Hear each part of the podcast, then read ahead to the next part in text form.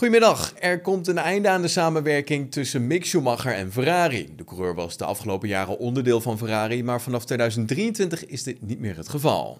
Ja, zo weet Autosport te melden. En dit betekent dat Schumacher, die een aflopend contract heeft bij Haas, voor 2023 op zoek mag gaan naar welk stoeltje dan ook.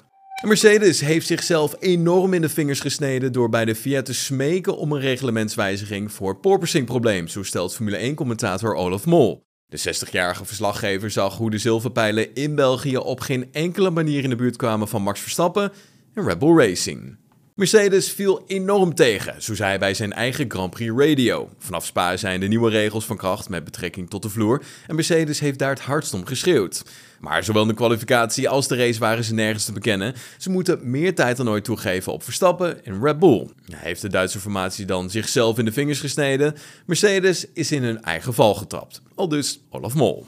En Sergio Perez, hij startte nota bene vanaf de eerste startrij tijdens de Grand Prix van België, maar had totaal geen antwoord op de aanstormende Max Verstappen, die begon vanaf plekje 14. Na afloop van de race gaf de Mexicaan tekst en uitleg over het enorme snelheidsverschil. Al vroeg in de wedstrijd werd duidelijk dat Verstappen een veel hoger tempo kon rijden dan zijn Mexicaanse collega. Ondanks ja, toch wel een gelijkwaardige auto en een veel betere startpositie kon Perez het tempo gewoon niet matchen. En hoe kan dat nou toch? Nou, de 32-jarige coureur komt zelf met een uitleg. Het is ook absoluut zo dat ik me minder comfortabel voel dan aan het begin van dit jaar. Ik moet er zeker aan gaan werken, zodat we ook aan mijn gedeelte van de garage weer maximale uit de auto kunnen halen, zo zei hij tijdens de persconferentie. Soms voelt een raceauto heel natuurlijk aan als je erin stapt, maar op andere momenten is het echt heel hard werken en moet je diep in de data duiken om te kijken hoe je er maximale uithaalt. En in die situatie zit ik nu met deze auto.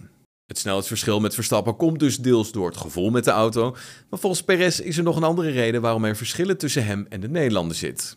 Dit weekend hebben we net iets anders gedaan met beide auto's. Ik hoop dat we daardoor enkele verschillen kunnen ontdekken en dat we daarvan kunnen leren, waardoor we aan onze kant ook iets meer rondetijden vinden. Al dus Sergio Perez. Ja, de Dutch Grand Prix op circuit Zandvoort wordt over enkele dagen afgetrapt met de eerste vrije training op de vrijdag. Maar of dit onder droge omstandigheden gaat gebeuren, dat is nog maar de vraag. Nu het raceweekend alsmaar dichterbij komt, worden ook de weersvoorspellingen nauwkeuriger en neemt de kans op regen toe. Nou, hoop jij op een regenrace of juist op een droge race? Laat het weten in de comments onder. En dan zie ik jullie morgen weer bij een gloednieuwe GP Weekend. Tot dan! Hoi!